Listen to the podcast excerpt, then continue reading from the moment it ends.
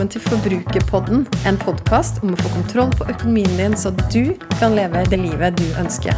Jeg heter Kjersti Grønseth, er trebarnsmor og økonom, og er kanskje aller best kjent som forbrukerfrue. La oss snakke litt om forbruk, for alt starter med det.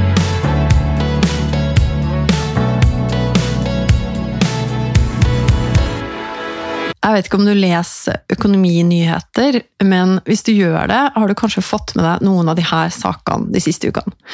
At Tesla har kjøpt bitcoin, altså den digitale valutaen, for 1,5 milliarder dollar, og at prisen på bitcoin steg over 10 000 dollar på et døgn.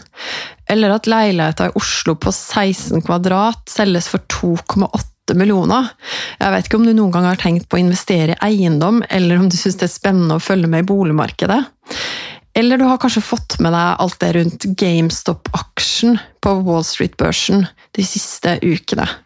Ja, for den utviklingen på Wall Street blei jo plutselig ganske kaotisk. For der har nettopp verdien på aksjer i dataspillkjeden GameStop skutt i været, og delvis pga. en slags kamp mellom private småinvestorer i et internettforum og store hedgefond. Ok, her er det masse begrep, og nå vet jo du som hører på Forbrukerpodden at det her er jo ikke noe aksjepod, men likevel, det kan være nyttig og litt interessant faktisk å høre litt mer om hva som egentlig har skjedd i denne saken. her. For det første, altså Et hedgefond er jo et investeringsselskap eller et fond som har frie rammer med hensyn til å tjene penger og kontrollere risiko. Det er ikke det samme som et aksjefond, hvor den vesentligste forskjellen ligger i forvalteren av hedgefondet sin frihet til å selge seg såkalt short og belåne porteføljen.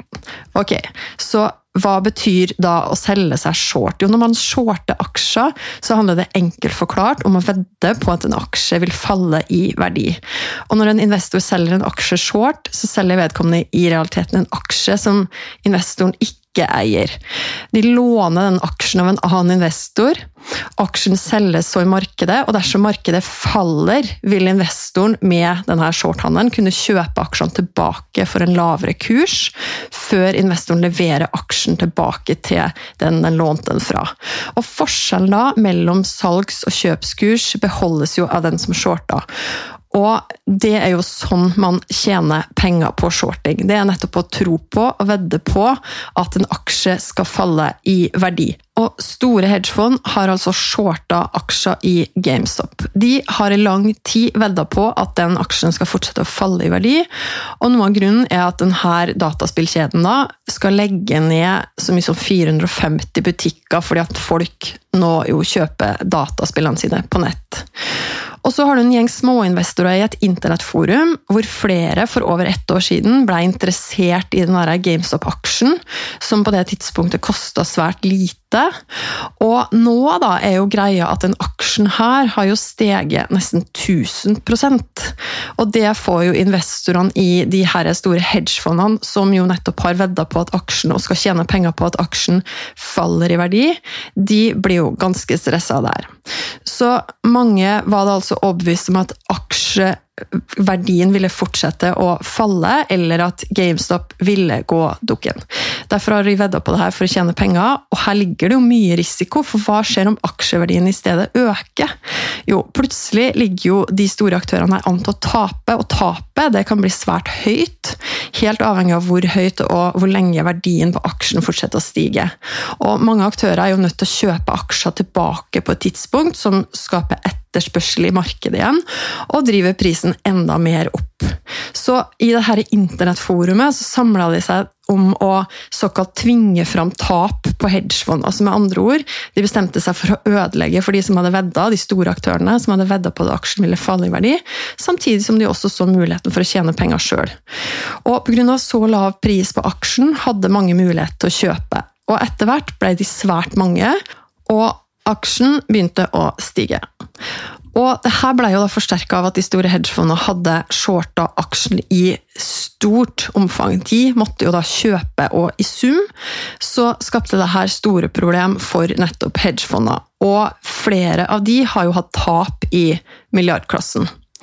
Så er det jo mange som har reflektert mye rundt det som har skjedd, og hatt mye mening om det.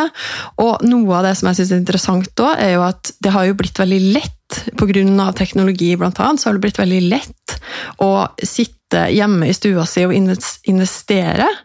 Terskelen for det er veldig lav, samtidig som nå i eh, hele siste året så er det jo nettopp sånn at vi har sittet masse hjemme. Folk sitter veldig mye hjemme og har gjort det, og har hatt mer tid til å f.eks. lære seg om kjøp og salg av aksjer. Ok, Så det var mitt forsøk på å forklare en sånn sak. Det, det går nok en stund før du i Forbrukerpodden får tilsvarende utgreiinga som det her fra meg. Ok, Leser du økonominyheter, så har du også kanskje fått med deg at Kapital, et av landets mest kjente økonomitidsskrifter, hvor, redaktør Trygve, hvor redaktøren er Trygve Hegnar, at han da på lederplass 28.1 skrev om kvinner og pengesnakk. Hvor han refererte til Silje Sandmæl, forbrukerøkonom i DNB, som ifølge han har fått kvinner til å tenke økonomi, og at hun med sin synlige profil har fått mange etter etterfølgere, og at rådene er mange, om enn ikke så forskjellige.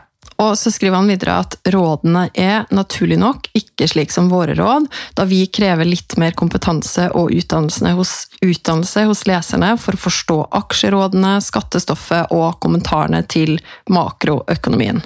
Og han trekker da fram en sak som var i Dine penger på nyttårsaften, som også havna i VG, hvor Marie Olaussen, Lise Wermli Christoffersen, Siv Slevigen, Beate Engelsjøen og Anne Berit Grostad og jeg ga våre beste råd for smarte nyttårsforsetter. Og alle vi blir da nevnt i lederen i Kapital, som Trygve Hegnar skrev. Det han skriver om meg, da, er at forbrukerfrue Kjersti Grønseth forbrukerfrue.no, er også opptatt av å sette opp klare mål, sjekke renta og starte med pensjonssparinga. Og man må finne ut hva som virkelig gir glede, og hva som er sløsing. En del fornuft der, skriver han. og så skriver han da videre i denne lederen at kan vi trekke noe ut av disse rådene fra kvinner som vil gi oss råd om pengebruk? Vi kan i hvert fall si at de er litt bundet opp i familiens penger og er tilpasset en mor som handler inn. Ok, jeg hadde nettopp en coaching med et par som ønska å finne ut om de forvalter pengene sine på en god måte. Og det er mye det går an å si generelt. Kanskje er det også derfor vi som snakker om økonomi, og som er opptatt av å formidle om hvordan ta gode økonomiske valg, sier mye av det samme. For mange er det Trygve Hegna refererer til som familiens penger, ofte noe som over lang tid har vært kilde til bekymring og stress og dårlig nattesøvn for både mor og far. Og det å snu om tankegangen sin til å forstå at det er mulig å ikke bare leve fra lønningsdag til lønningsdag, men det er faktisk fullt mulig å spare opp en buffer, det er mulig å betale ned dyr gjeld, og det er mulig å finne ut hvordan pengene kan vokse mest mulig på lang sikt. For mange er det livsforvandlende. For mange er det snakk om å sikre seg økonomisk for framtida. Og hvis du legger til at de gjennom å ta grep nå, faktisk kan legge til rette for at barna, nemlig neste generasjon, skal kunne fortsette å ta gode valg, da snakker vi virkelig om å forandre historie og om å forandre liv. Jeg ønsker å spare til buffer eller jeg ønsker å spare til pensjon, men hvor skal jeg hente pengene fra? Ja, Det er et ganske så vanlig spørsmål. Det gir veldig mening å begynne med å se på levekostnadene. Begynne med å sjekke og utfordre boliglånsrenta, strømprisen, prisen på forsikringa, sitt eget matbudsjett. Det er jo det her Trygve Egnar i den lederen trekker fram, da, at det er vel mye fokus på det å spise opp brødskalken.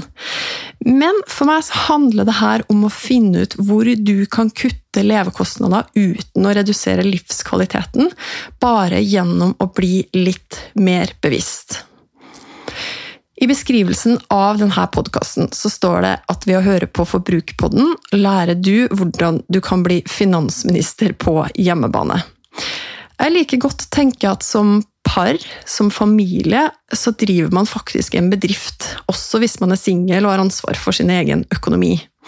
Og i bedriften er det viktig å ha stålkontroll på tallene, slik at man kan vite om de valgene man tar, er med på å skape en bedre framtid for seg sjøl, om man vokser, eller om man tar valg som påvirker negativt også over tid. Du trenger å vite hva du eier, og hva du har i gjeld. Og nettoverdien din, det er eiendeler minus gjeld. Som jeg har sagt før, nettoverdien din den er jo ikke et så særlig godt mål på hva du har å rutte med. Den sier jo at hadde du solgt alt du eier og casha inn den gjelda du har, så var det det beløpet, nettoverdien din, er det beløpet du ville da sitte igjen med. Den er ikke et godt mål på hva du har å rutte med, for det er ikke så realistisk at du skal nettopp selge alt du eier for å kvitte deg med gjeld, men den sier likevel noe om hvor sunn økonomien din er, og spesielt hvordan den utvikler seg nettopp over tid. Du trenger også vite resultatet ditt hvor mye du får inn av penger hver måned, og hvor mye som går ut. Inntekten din er jo det verktøyet som gjør at du kan bruke penger, og forskjellen mellom inntekter og utgifter, overskuddet ditt, er det du kan bruke på noe som vil gjøre en forskjell over tid. Ja, det er en tydelig sammenheng mellom hva du bruker penger på, og hva du kommer til å oppnå med pengene dine over tid. Jeg snakker om å få oversikt over forbruket først, fordi alt starter med det. Svaret på spørsmålet 'hvorfor sitter jeg ikke igjen med mer penger nå', eller på slutten av måneden, eller slutten av året, eller etter tolv år med god inntekt, Svaret på det spørsmålet finnes alltid i hvordan pengene er brukt, og hvordan pengene er forvalta. Og det finnes nok av eksempler på folk som tjener godt, men som likevel bruker opp det de har, fordi livsstilen og standarden øker i takt med at lønna øker. For mange er det ikke nødvendigvis en drøm om å bli rik. Det handler mer om, som for det paret jeg coacha nettopp, å vite at vi tar gode valg med pengene våre. Valg som sikrer oss økonomisk for framtida, men også valg som gjør at vi kan leve godt her og nå. Og Da er det fornuftig å finne ut hvor mye av inntektene som skal settes av til langsiktig sparing, og det er fornuftig å finne ut hva jeg bruker penger på som er mer sløsing enn at jeg egentlig får så særlig mye glede av det. Samtidig er det mange som drømmer om å bli økonomisk uavhengig, og ikke være avhengig av å jobbe for å leve. Tida vår er superverdifull, og vi drømmer om å få bruke tid på det som virkelig betyr noe. Å kunne jobbe fordi du har lyst, og med noe du virkelig brenner for.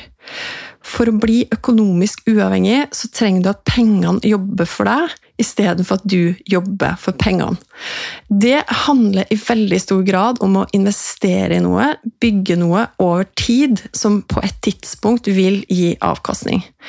Det kan være aksjemarkedet, absolutt. Og jo tidligere du kommer inn i aksjemarkedet, jo mer vil du kunne klare å bygge opp. Det kan være eiendom du investerer i for å leie ut, eller som du kjøper for å pusse opp og selge med forhåpentligvis fortjeneste. Det kan være det å starte din egen bedrift. Bruke noe du er god på til å skape verdi for andre. Bruke din kreativitet, din erfaring og din kompetanse starte med en idé, gjøre det til et mer konkret konsept og lage selve produktet eller tjenesten som noen vil kjøpe fordi det er noe som vil gjøre deres liv bedre. Og skaper du noe som ikke er avhengig av at du er til stede 100% om det er et digitalt produkt, eller om du bygger noe stort og får ansatte som jobber for deg og din visjon, så kan du jo gå fra å bytte tid mot penger til å ha inntekt som lar deg bruke mer tid på det du ønsker. Og alt det her er jo strategier for å bygge opp en formue over tid. Men her er det flere faktorer som kommer å spille inn. Her er det f.eks. snakk om vilje til å ta risiko. Investering i aksjemarkedet er risiko. Investering i eiendom kan være forbundet med veldig høy risiko. Det å starte en egen bedrift, ikke minst. Du risker både penger og tid. Hvis du spør meg om å se på dine tall for å fortelle deg om du forvalter dine penger på en god måte, er det noen ting jeg kan si bare ved første øyekast. Jeg kommer til å si fra hvis jeg ser at du ikke har buffer på sparekonto, eller om du har mye dyr gjeld. Jeg kommer også til å se på hvor mye boliglån du har, hvor mye lån du har sammenligna med hvor mye boligen din er verdt, og hvor høyt lån du har sammenligna med inntekten din. Og jeg kommer til å spørre deg om du planlegger at boligen skal være nedbetalt før du skal slutte å jobbe. Jeg kommer til å spørre om du har funnet ut hva du kommer til å få i pensjon fra folketrygden og fra arbeidsgiver, og om du har regna på hvor mye du trenger å spare sjøl for å ha det inntektsnivået du ønsker som pensjonist. Jeg kommer til å spørre om du har økt aksjeandelen i pensjonssparingen som arbeidsgiver gjør for deg, særlig hvis du er yngre enn 55 år. Jeg kommer til å si at historisk sett har det vært mer lønnsomt å investere i aksjefond i stedet for å ha penger på høyrentekonto når det gjelder de pengene du sparer på vegne av barna dine, ettersom tidsperspektivet mest sannsynlig er langt nok til at det skal kunne være lønnsomt. Jeg kommer til å fortelle deg hvilke grep du kan ta for å kutte levekostnadene uten å gå ned noe særlig i levestandard. Og jeg kommer til å oppfordre deg til å tenke gjennom forskjellen på ting du trenger, og ting du ønsker deg. Jeg kommer til å spørre deg om hva som er dine mål, og hvordan du har planlagt å rydde litt i økonomien og få full oversikt på kort sikt. Og hvordan de aller mest langsiktige målene dine ser ut. Jeg kommer også til å spørre deg om hva du drømmer om på litt mer la oss si, mellomlang sikt, som du trenger å spare penger til. Og du svarer kanskje kjøpe eller oppgradere boligen din, kjøpe hytte spare til ulønna permisjon med barn, starte et prosjekt du har drømt om lenge, investere i et prosjekt som noen andre driver med gjennom crowdfunding, eller kanskje investere i et bistandsprosjekt. Og alt det her som ligger mellom det å ta de gode grepene for å sikre økonomien på lang sikt, og det å ta de hverdagslige grepene for å kutte levekostnader og finne ut hva du ønsker å prioritere av små luksuser i hverdagen. Alt det her som ligger mellom, alt det som handler om drømmene dine og de konkrete sparemålene dine, det er det jo du som har fasiten på. Det er også du som har fasiten på om du ønsker å ta mer risiko i livet ditt, med den oppsida at du skal kunne bli mer økonomisk uavhengig for hvert år som går. Om du vil satse enten penger eller tid på å bygge opp noe. Det er du som veit hva som er viktig for deg i ditt liv. Og hvor rik du drømmer om å bli, er det jo også bare du som veit. Jeg brenner for å gi deg enkle verktøy, så du kan forstå og følge opp hvordan de gode valgene du tar, faktisk gir deg økt verdi over tid, både i form av økt formue, økt mening og økt innflytelse. At penger kan være med å virkeliggjøre dine drømmer, og at du kan skape en verden som er bedre både for deg sjøl og de rundt deg. Jeg vil gjerne vite hva du tenker etter å ha hørt episoden. Så koble med meg på Instagram. Der finner du meg som forbrukerfrue. Send meg en melding. Tagg meg gjerne i Story og del episoden her hvis du likte den. Eller send meg spørsmål. Og husk å abonnere på podkasten Forbrukerpodden, så får du beskjed hver gang det kommer en ny episode. Vi høres!